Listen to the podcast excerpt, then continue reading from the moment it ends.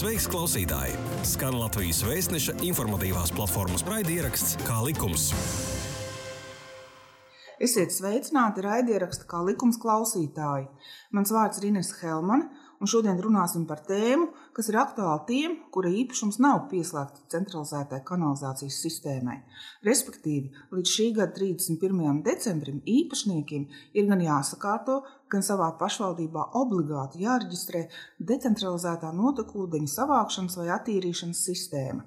Par to, kā sekmējas lokālo notekūdeņu sistēmas sakārtošana, saruna ar Vides aizsardzības un reģionālās attīstības ministrijas, Vides aizsardzības departamenta, ūdens resursu nodaļas vadītāju Ivetu Teibi un Latvijas ūdensapgādes un kanalizācijas uzņēmuma asociācijas izpildirektoru Sandi Dejus.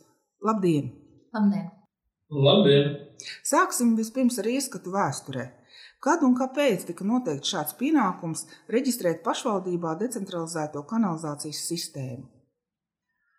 Šāds pienākums ir saistošs Latvijas iedzīvotājiem, kuriem ir šādas decentralizētās sistēmas no 2017. gada vidus, kad stājās spēkā ministru kabineta noteikumi par decentralizēto sistēmu apsaimniekošanu un reģistrēšanu.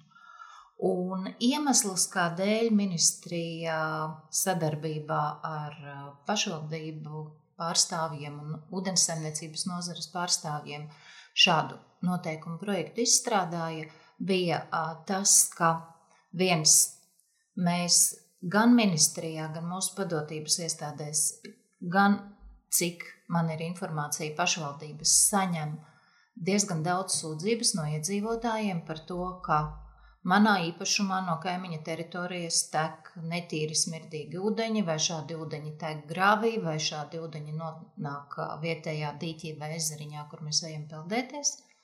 Tātad tā problēma ir pamanāma, saostāma, saredzama. Otrs um, arī uh, tāda upju un ezeru kvalitātes izvērtēšana parāda, ka, lai gan notekūdeņi nav galvenais iemesls, kas ietekmē mūsu ūdeņu kvalitāti. Tomēr ir vietas, kur šī ietekme lokāli ir pietiekami nozīmīga. Un tad mēs redzam tādus, tādas izpausmes dabā, ko domāju, ka lielākā daļa no klausītājiem būs pamanījuši, kā upju aizaugšana vai intensīva ūdens ziedēšana vasarā, vai paziņojumi, ka peldvietā nevar vasarā peldēties, jo tur ir zilāģis vai konstatēts piesārņojums un tam līdzīgi. Un, jā, mums bija arī aizrādījums no Eiropas komisijas, kura uzrauga to, kā visas dalību valstis ievieš Eiropā izvirzītās vienotās prasības, tā skaitā notekūdeņa apsaimniekošanā, par to, ka mums apdzīvotajās vietās pēc Eiropas komisijas ieskatā pārāk daudz notekūdeņa netiek savākti centralizēti, tātad pārāk daudz ir šie decentralizētie risinājumi. Un tas viss bija tāds iemeslu kopums, kas mūs mudināja šādus noteikumus izstrādāt un šādu pienākumu paredzēt. Tātad ir problēmas ar lokālām notekūdeņu savākšanas sistēmām. Bet, ja tā pavērtē, cik daudz ir centralizētās kanalizācijas sistēma Latvijā ieviesta, cik cilvēku to izmanto un cik ir decentralizētā kanalizācijas sistēma, tā statistika Jā. kāda ir? Pilnīgi par visiem Latvijas iedzīvotājiem es nepateikšu, jo, kā jūs saprotat, centralizētā ūdensapgāde un centralizētā kanalizācija tā, tas ir izcinājums apdzīvotās vietās, pilsētos, ciematos, lauku teritorijās tādas nemēdz būvēt. Un pie tā, ka mums ap 30% Latvijas iedzīvotāju dzīvo lauku teritorijās, tad mēs varam runāt par tiem, kuri ir pilsētu iedzīvotāji. Un arī šeit mums nav tāds viens cipars, tādēļ, ka pašlaik likumdošanas prasības ir nedaudz atšķirīgas lielākām un mazākām pilsētām, bet pagājušajā gadā no tiem iedzīvotājiem, kuri dzīvoja lielākajās pilsētās ciemos, kuros ir vairāk nekā 2000 iedzīvotāju, um, tad šādu centralizēto pakalpojumu notekūdeņu savākšanai un attīrīšanai izmantoja 89% iedzīvotāju. Savukārt mazākajās apdzīvotajās vietās pēc tās informācijas, kas ministrijai ir, aptuveni 75 procentiem iedzīvotāji varētu būt pieejami šie centralizētie risinājumi, bet tas nenozīmē, ka visi tos izmanto. Ir cilvēki, kuriem, teiksim, ielā ir izbūvēta centralizētā kanalizācija, bet viņu māja, viņu īpašums nav tai pieslēgta. Bet pēc centrālās statistikas pārvaldes datiem bija tādi dati, ka decentralizētās kanalizācijas sistēmas ir reģistrējams apmēram 113 tūkstošiem mājasēmniecību. Vai Tas atbilst uh, faktiskajam? Um, mēs precīzāk uh, par to, cik mājsaimniecības jeb īpašumi izmanto šīs decentralizētās sistēmas, zināsim tad, kad lielākā Latvijas iedzīvotāja daļa būs um, tiešām tās pieregistrējusi. 113 uh, tūkstoši tā bija aplēse tad, kad tika valdībā saskaņoti un virzīti apstiprināšanai šie ministru kabineta noteikumi par decentralizētajām sistēmām, pamatojoties uz datiem par to, cik ir decentralizēto sistēmu lietotāju um, dažāda lieluma pilsētās. Tā kā tā ir aplēse, jā, to, to mēs toreiz arī ministrijā rēķinājām, bet uh, ir jāsaka, ka tā aina dažādās pilsētās un dažādās apdzīvotās vietās var būt ļoti atšķirīga. Mums ir pilsētas, kur faktiski 99% vai pat 100% iedzīvotāji izmanto centralizēto kanalizāciju, un ir pat no šīm lielākajām pilsētām tādas, kur tikai 50-60% iedzīvotāji izmanto centralizēto kanalizāciju. Tad varbūt ķersimies klāt pašiem ministru kabineta noteikumiem, numur 384. Tātad, ko tie paredz? Kas ir cilvēkiem līdz 31. decembrim jāizdara, ja ir decentralizētā kanalizācijas sistēma? Jā. Pirmkārt, šī te sistēma ir jāreģistrē, nosūtot informāciju vai nu pašvaldībai, vai tai pašvaldības iestādē vai uzņēmumam, kurš konkrētajā novadā vai pilsētā veido šo decentralizēto kanalizācijas sistēmu reģistru. Es saku iestādē vai uzņēmumu, tāpēc ka pašvaldības dažādi mēdz nodot šo reģistra veidošanas funkciju. Ir gadījumi, kad to dara pati pašvaldības administrācija. Ļoti bieži šo pienākumu nodod pašvaldības ūdens saimniecības pakalpojumu sniedzējiem, teiksim, SIA Madonas ūdens, Tavs ūdens, Rīgas ūdens vai tam līdzīgi, bet tā var būt arī kāda cita pašvaldības iestāde, piemēram, ir gadījumi, kad to dara būvvalde. Būtībā iedzīvotājiem tiek prasīts um, norādīt, kur šī sistēma atrodas, respektīvi adrese, kam tā pieder un kāda veida decentralizētā sistēma tiek izmantota. Respektīvi, vai tā ir tvertne, jeb tā saucamā kraitvertne, kas tikai notekūdeņus savāc, un no kuras tie regulāri ir jāizved, vai ir ierīkotas lokālas attīrīšanas iekārtas, vai ir ierīkota tā saucamā septiskā tvertne, jeb septiķis, kas nodrošina daļēju notekūdeņu attīrīšanu. Daļa pašvaldību izstrādāja speciālas veidlapas šai reģistrācijai, kur var būt prasīta arī vēl atsevišķa papildu informācija, piemēram, par to, vai māja, kurai tiek izmantota šī decentralizētā sistēma, ir apdzīvota pastāvīgi visu gadu, vai teiksim, tikai vasaras sezonā. Ja pastāvīgi apdzīvota, cik cilvēku tur dzīvo, ja jums ir tvertne, kāds ir tas tilpums. Tas pašvaldībai ir nepieciešams tādēļ, ka mm, valdība pilnvaroja pašvaldības noteikt to biežumu, kādā, piemēram, no šīm pašām krētvertnēm notekūdeņi ir jāizved. Un, lai to varētu aprēķināt, pašvaldībai ir jāzina, cik tā tvertne ir ietilpīga un cik cilvēku, teiksim, mājās rada šos te notekūdeņus. Un noteikumi pasaka, ka mm, reģistrāciju var veikt gan aizsūtot informāciju elektroniski, un es saprotu, ka daudzas pašvaldības arī šādu iespēju savās mājaslapās bija nodrošinājušas vai pa pastu,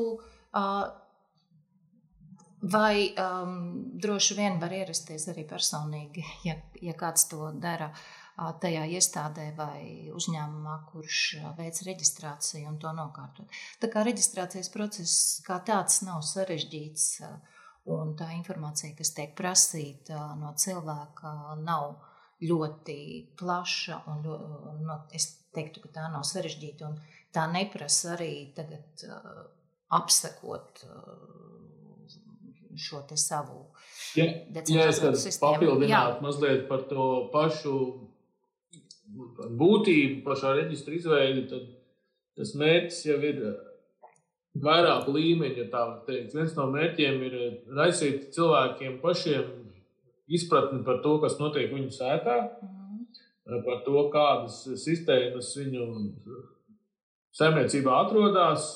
Jo gana bieži šobrīd veidojot šos reģistrus un reģistrējot šīs iekārtas un sistēmas, tiek konstatēts, ka iedzīvotājiem nav zināšana par to, kas notiek viņu īpašumā viņu sētā, un zina tikai, ka notekūdens kaut kur aiztek un kurā aptuveni virzienā. Līdz ar to viens no mērķiem ir raisīt arī to izpratni, radīt izpratni par to, kā, kā tie notekūdeņi un kur tiek novadīti un kādā veidā tiek attīrīti vai gluži pretēji neattīrīti, kā bieži tas arī notiek faktiski. Un tādā veidā arī apzināt tos iespējamos riskus, ko varbūt šādi neattīrīti notekūdeņi var nodarīt apkārtējai videi. Kā arī tas reģistrs kā tāds ir ļoti noderīgs gan pašvaldībām, gan ūdenssaimniecībām, plānojot pirmām kārtām slodzes papildus slodzes attīrīšanas iekārtām, kas nepieciešams, lai šos visus decentralizēto sistēmu eh, notekūdeņus eh, novadītu vai transportētu uz attīrīšanas iekārtām un arī atbilstoši attīrītu, kas ir gan liels izaicinājums, gan arī ilgtermiņā plānot šos centralizētos pakalpojumus vietās, kur, kur pagaidām tie nav pieejami. Jo tomēr centralizēts pakalpojums ir izdevīgāks gan pašvaldībai, gan iedzīvotājiem, kuram vairs nav klapatas, un pašvaldībai arī ir daudz vienkāršāk to notekūdeņu slodzi vienmērīgi, centralizētas sistēmas palīdzību attīrīt, nekā atvest ar asinizācijas mucu un tādā veidā radīt papildus slodzes un izaicinājumus jebkurai attīrīšanas iekārtai. Un par to pašu procesu, jā, kā, kā minēja, tad process nav pārāk sarežģīts. Ir jāatbild uz pāris jautājumiem par iekārtām, par to uzbūvi un par iedzīvotāju skaitu lielākoties, kas dzīvo attiecīgajā ēkā vai, vai saimniecībā. Bet arī tas gan bieži ir izaicinājums, kā jau teicu, jo iedzīvotāji nevienmēr ir informēti par to, kas faktiski notiek ar notekūdeņiem. Un tā ir viena no šīm tādām filozofiskām lietām, kas, manuprāt, arī šobrīd sabiedrībā ir mazliet jāpamaina, ka ir jā, jāatbild par, par savu īpašumu, par savu saimniecību, ne tikai pret policiju vai pret kādu, kādu kontrolējušu institūciju, bet arī jāsaprot, kas tur atrodas un, un jāatbild pret vidi par savu iespējamo apdraudējumu apkārtējai dabai, e, citiem kaimiņiem, kaut vai ja tur blakus kāds ūdens resurs atrodas. Tādā veidā jābūt kopēji atbildīgam par, par saviem lēmumiem un savām darbībām. Tas ir tā lieta, ko šobrīd mēs cenšamies lauzt un mainīt lielā daļā sabiedrības Runājot tā detalizētāk, kā sakārtot decentralizētās kanalizācijas sistēmas, vispirms akcentēsim, uz ko šie noteikumi attiecas. Jā. Nu, Latvijā faktiski tos, tās decentralizētās sistēmas, kas tiek izmantotas, var iedalīt trīs galvenajās grupās. Tās ir tvertnes, jeb krājtvertnes, kura būtībā tā var būt dažāda materiāla tilpums, tvertne, kurā notekūdeņi no mājas tiek uh, novadīti. Bet vairāk nekas tajā tvertnē ar tiem netiek darīts. Tie tiek savākti, un, kā jau es iepriekš sacīju, no turienes tie ir jāizved un jānogādā uz attīrīšanas iekārtām. Um, pēc uh, tās informācijas, ka, ko mēs esam dzirdējuši, kraitvetnes ir viens no izplatītākajiem veidiem, uh, ko iedzīvotāji izmanto. Uh, Otrs - lokālas attīrīšanas iekārtas, kas arī var būt dažādu tehnoloģiju, dažādu izmēru un tam līdzīgi, dažādu ražotāju, bet kur ideja ir tāda, ka notekūdeņi tiek ievadīti un arī attīrīti un pēc tam izvadīti vidē, vai nu iesūcinot zemē, vai, vai izvedot, piemēram, gravītī vai, vai tam līdzīgi. Un trešais veids ir septiķi, jeb septiskās tvertnes, kas būtībā ir vairāku tvertņu komplekss, kur um, tā smagākā daļa, kas ir dažādi piemaisījumi, kas ir no, ūdeņos nosēžas tvertnes dibenā, pārējais pārplūst no vienas tvertnes otrā, un tad tālāk tiek izvadīts lielākoties. Pareizi tas būtu, ja tiktu izvadīts uz filtrācijas lauku, un tad attiecīgi caur šo filtrācijas lauku izējot tie ūdeņi attīrītos un tiktu iesūktos zemē. Jā. Tas tā lielās līnijās, protams, kā jau teicu, materiāli, vecums, risinājumi var būt dažādi, bet jā, varbūt Sandam ir kaut kas, ko piebilst un papildināt. Jā, Sanda, varbūt jūs paraksturot, kādā stāvoklī kopumā vispār ir pat labāk decentralizētās kanalizācijas sistēmas, un droši vien ir nācies ar to saskarties. Nu, jā, kā jau minēju, tad no šiem atsaucoties uz ideju par to, ka daudz iedzīvotāji nemaz nezina, kādas ir viņu decentralizētās kanalizācijas sistēmas. Tad gana bieži arī šobrīd praksē sastopamies ar gadījumiem, kad sistēmas nedarbojās vai nav atbilstošas. Vai par hermetiskumu mēs šobrīd vispār ļoti atsevišķos gadījumos runājam, jo pēc būtības tām krāpniecībām būtu jābūt hermetiskām, ar regulāru atsūknēšanu un visam tilpumam, kas tajās uzkrājās, būtu jāizved uz attīrīšanas iekārtām. Diemžēl šādu gadījumu ir ļoti reti. Lielākoties tās visas tvertnes ir nehermetiskas.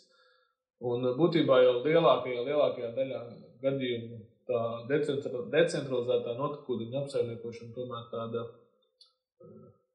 ļoti virspusēji vai formāli sanāk. Un ir atsevišķi gadījumi, kur, protams, tas tiek veikts atbilstoši labai praksē un piemēriem, un arī ir izbūvēts šīs bioloģiskās attīstības iekārtas gan reti, gan bet ir.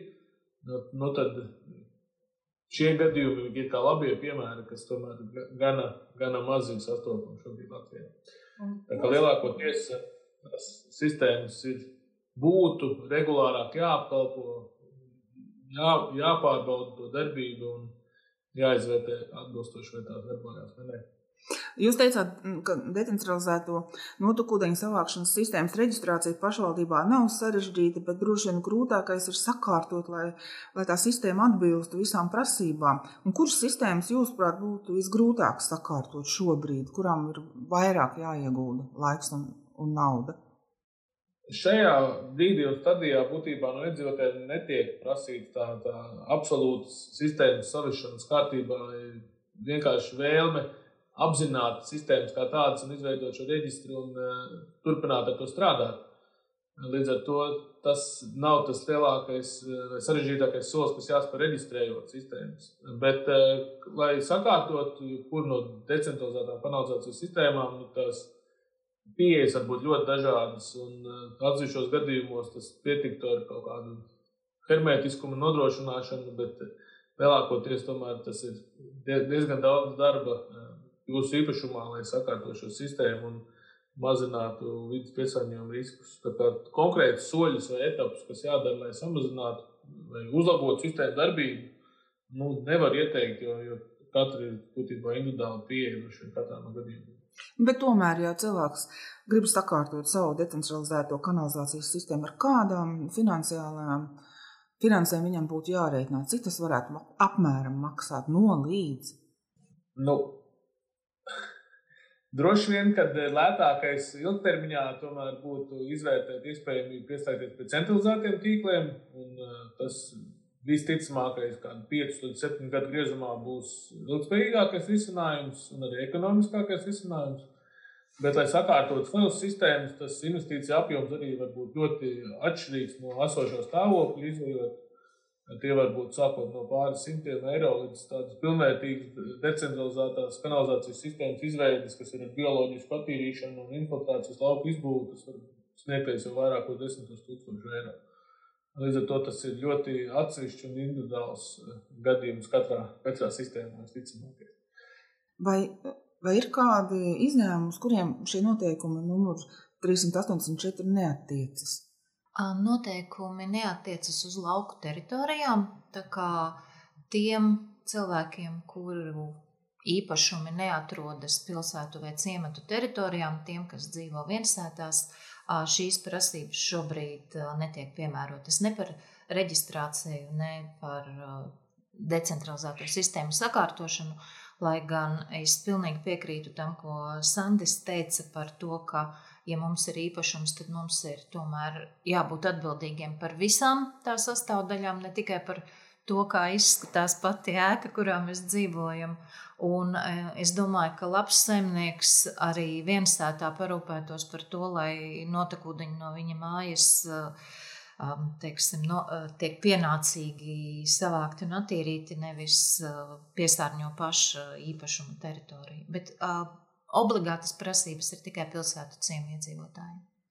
Nu, šādās viensētās parasti ir vai nu sausās toaletes, vai pārvietojamās toaletes, tur vai nu dzīvo tikai pa vasarām, reizēm arī pa ziemām. Bet, nu, tomēr, paraksturojot situāciju, piemēram, kādos gadījumos noteikumi neaizliedz lietot sausās vai pārvietojamās toaletes. Piemēram, ja ir pie, pierīgā vasaras māja ar sauso toaleti, kā tiek novadīti notekūdeņi, nu, kādiem principiem ir jābūt. Noteikumi neaizliedz nevienu decentralizēto sistēmu veidu, tā skaitā sausās toaletes vai pārvietojamās toaletes. Jo mēs ļoti labi saprotam, ka tās dzīves situācijas ir atšķirīgas ir tiešām mājas, kurās cilvēki dzīvo tikai uh, dažus mēnešus gadā, vai varbūt ir runa par mazdārziņu, kur cilvēki vasarā brauc pa dienu strādāt. Uh, tā kā, uh, protams, šādos gadījumos arī sausā toalete vai, vai šī biotoalete, vai ko jau cilvēks ir izvēlējies un ierīkojis, var būt risinājums. Pamatprincips ir, lai viss tas um, labums, kas savācās šajā te, um, decentralizētajā sistēmā, es izmantošu šo te vispārinošo terminu, um, netiktu novadīts vai izliets grāvī, nepaliktu vienkārši zemē, bet tiktu savākts un laiku pa laikam, tad, kad tā tvertne ir pilna, arī pienācīgi aizvests. Nu, tas ir galvenais, lai, ne, mm -hmm, lai nepiesārņotu vidi. Es oh. mazliet papildinot par šīm sausajām tolotēm, kas tiek uzskatītas, tad praksē tiek novērots tas, ka eh, sausā tolota pēc savas būtības tā ir tolota, kurā nav ūdens pievads. Mm -hmm. Šādas tolotas arvien retāk mēs sastopam eh, mājsaimniecībās, jo tomēr mums patīk komforts un ērtības, līdz ar to arī civilizēti un mūsdienām atbilstoši toaletes podi, kuros ir šis ūdens. Līdz ar to ir ļoti bieži sastopams eh, šis tāds kombinētais eh, sistēmas veids, kur ir vēsturiski bijusi sausā tolete, kur ir būtībā bedra zemē, eh, kurai tad ir pieslēgts ūdens, un šobrīd tā vairs īsti nekvalificējās kā sausā tolete, bet klasificējās kā mūsu, mūsuprāt, nehermētiska uzkrāšanās tvertne. Līdz ar to arī šeit jābūt ļoti uzmanīgiem par to, ko mēs uzskatām par šo sauso toaletu, kur vienkārši relatīvi mazāku apdraudējumu vidē radīt, jo nav papildus šķidrumi un papildus infiltrācijas iespējas vienkāršāk apsaimniekot, un tas ir sausā toleta, kurai tomēr ir pieslēgts ūdens. Līdz ar to rada ātrāk šīs infiltrācijas plūsmas un iespējams risks apkārtējai videi un atbilstoši arī iespējams tavai ūdensakai vai tavam ūdens avotam, arī pat viens ēdas gadījumā. Kā ir jābūt uzmanīgam ar to, ko mēs saprotam ar konkrēto apzīmējumu. Mm. Jā, bet tomēr, ja tā ir pierīgā vasaras māja, tad tā pārvietojumā tole tur var būt. Ja? Noteikumi to neaizliedz, neaizliedz. un normatīvi arī to neaizliedz. -hmm lai cilvēkiem nav jāsatraucas, ka viņiem obligāti ir jāizbūvē decentralizētā kanalizācijas sistēma. Tas ir jautājums vairāk tāpēc. Bet izdodot šos ministrs kabineta noteikumus numur 384, pirms vairākiem gadiem bija liels cerības, ka tagad cilvēki vai nu sakārtos savas decentralizētās kanalizācijas sistēmas, vai arī uh, pieslēgsies centralizētai sistēmai. Vai tas ir noticis, vai šīs cerības ir attaisnojušās? Situācija ir ļoti dažāda. Kā sarunas sākumā mēs runājām, tad ir pilsētas, kur pat 99% no iedzīvotājiem ir pieslēgušies pie centralizētiem tīkliem, līdz ar to ļoti maz šo reģistrējumu sistēmu. Un lielākoties tās visas ir reģistrējušās, un ir atsevišķas pilsētas, kur šī reģistrācija ir ļoti gausi, un ir pat ir vēl atsevišķas pašvaldības, kur reģistrācija nemaz nav uzsākta. Bet kopumā aptuveni viena trešā daļa no apzinātajām iespējamām sistēmām ir reģistrētas, kas ir gana mazs skaitlis šajā brīdī, līdz ar to mēs ceram uz iedzīvotāju atsaucību un aktivitāti arī turpmāk. Bet, principā, tie cilvēki, kas reģistrē iekārtas un sāk aizdomāties par, saviem, par savu atbildību, par savām iespējām izmantot centralizētu tīklus, tās prakses ir dažādas, kad ir iedzīvotāji gan tādi, kas pilnveido savu sistēmu, gan tomēr izvēlās šo centralizēto risinājumu aizmirst par klapatām ilgtermiņā, par kaut kādu kvalitātes kontroli, par mašīnu izvešanu un tādā, tādā veidā mazinot sev ikdienā nepieciešamo laiku šīs sistēmas apsaimniekošanai. Tā kā jā, nu. reāla situācija ir ļoti dažāda no pašvaldības uz pašvaldību. Un centralizēto pakalpojumu lietotāju skaits, protams, aug pa gadiem. Tas ir saistīts arī ar to, ka pašvaldības turpina paplašināt šos centralizētos kanalizācijas tīklus. Līdz ar to šis pakalpojums kļūst pieejamāks vairāk iedzīvotājiem. Tas arī ir saistīts ar to, ka daļa pašvaldību līdzfinansē pieslēgumu ierīkošanu centralizētajiem tīkliem. Un pēc tās informācijas, ko mēs šajā vasarā apkopojām no ap 30 pašvaldībām, tad kopš 2017. gada ap 3000 īpašumiem ir piešķirts līdzfinansējums šo pieslēgumu ierīkošanai. Un, jā, nu, tur, tu, protams, var skatīties, ir pašvaldības, kur, teiksim, Šāds atbal, šādu atbalstu ir saņēmuši mazāk kā desmit cilvēki, un ir pašvaldības, kur šis atbalsta saņēmēju skaits un attiecīgi arī to cilvēku skaits, kas ir pārgājuši uz centralizēto pakalpojumu, ir mērāms simtos. Tā kā tā situācija atkal ir ļoti atšķirīga visā Latvijā. Pamazām šis skaits aug. Es nedomāju, ka noteikumu pieņemšana ir vienīgais iemesls, es domāju, ka cilvēki drīzāk sāk aizdomāties, kā viņiem ir ērtāk, kas viņiem varbūt arī uh, ilgtermiņā finansiāli varētu būt izdevīgāk uh, un tam līdzīgi. Bet es pieļauju, ka varbūt arī kādiem tas, ka šobrīd tomēr arī decentralizētajām sistēmām ir pievērsta uzmanība un uh, ka pašvaldībām, teiksim, dotas pilnvaras arī um, kontrolēt un pārbaudīt, kādā, kā, kādā kārtībā tās sistēmas ir, um, tad varbūt cilvēkiem liek aizdomāties par to, kas tad ir izdevīgāk. Uh, mēģināt pārtaisīt uh, šo te uh, sistēmu, jo es skaidri zinu, ka man tā tvertne nav hermētiska, kā Sandrs teica, vai tomēr, ja man ir tehniski iespējams padomāt par pieslēgšanos centralizētajiem tīkliem. Jā, bet tagad ir virzība uz to decentralizēto kanalizācijas sistēmu sakārtošanu un īpašnieks varētu ieguldīt savā individuālajā tajā notekūdeņu sistēmā, bet ja pēc pāris gadiem ciemā vai pilsētā ievilkt centralizēto kanalizācijas sistēmu, kā viņiem tomēr zināt, varbūt tagad mazliet pagaidīt un pēc tam pieslēgties centralizētajai kanalizācijas sistēmai, kur viņam būtu jāinteresējas par šādiem plāniem, vai šie plāni pašvaldībai ir, būtu reāli? Jā, jāinteresējas noteikti ir pašvaldībā, jo principā pēc likuma pašvaldībām teritoriju plānojumos ir jānorāda tās teritorijas, kur šobrīd jau ir šie centralizētie tīkli, gan ūdensapgādē, gan kanalizācijai, un kur pašvaldība perspektīvā plāno tādus ierīkot. Jo būsim realistiski, ņemot vērā gan to, ka centralizēto tīklu un saistītās infrastruktūras izbūve ir gana dārga, gan arī to, ka ir dažādi tehniski šķēršļi, simtprocentīgi visās pilsētās, pilnīgi visu teritoriju.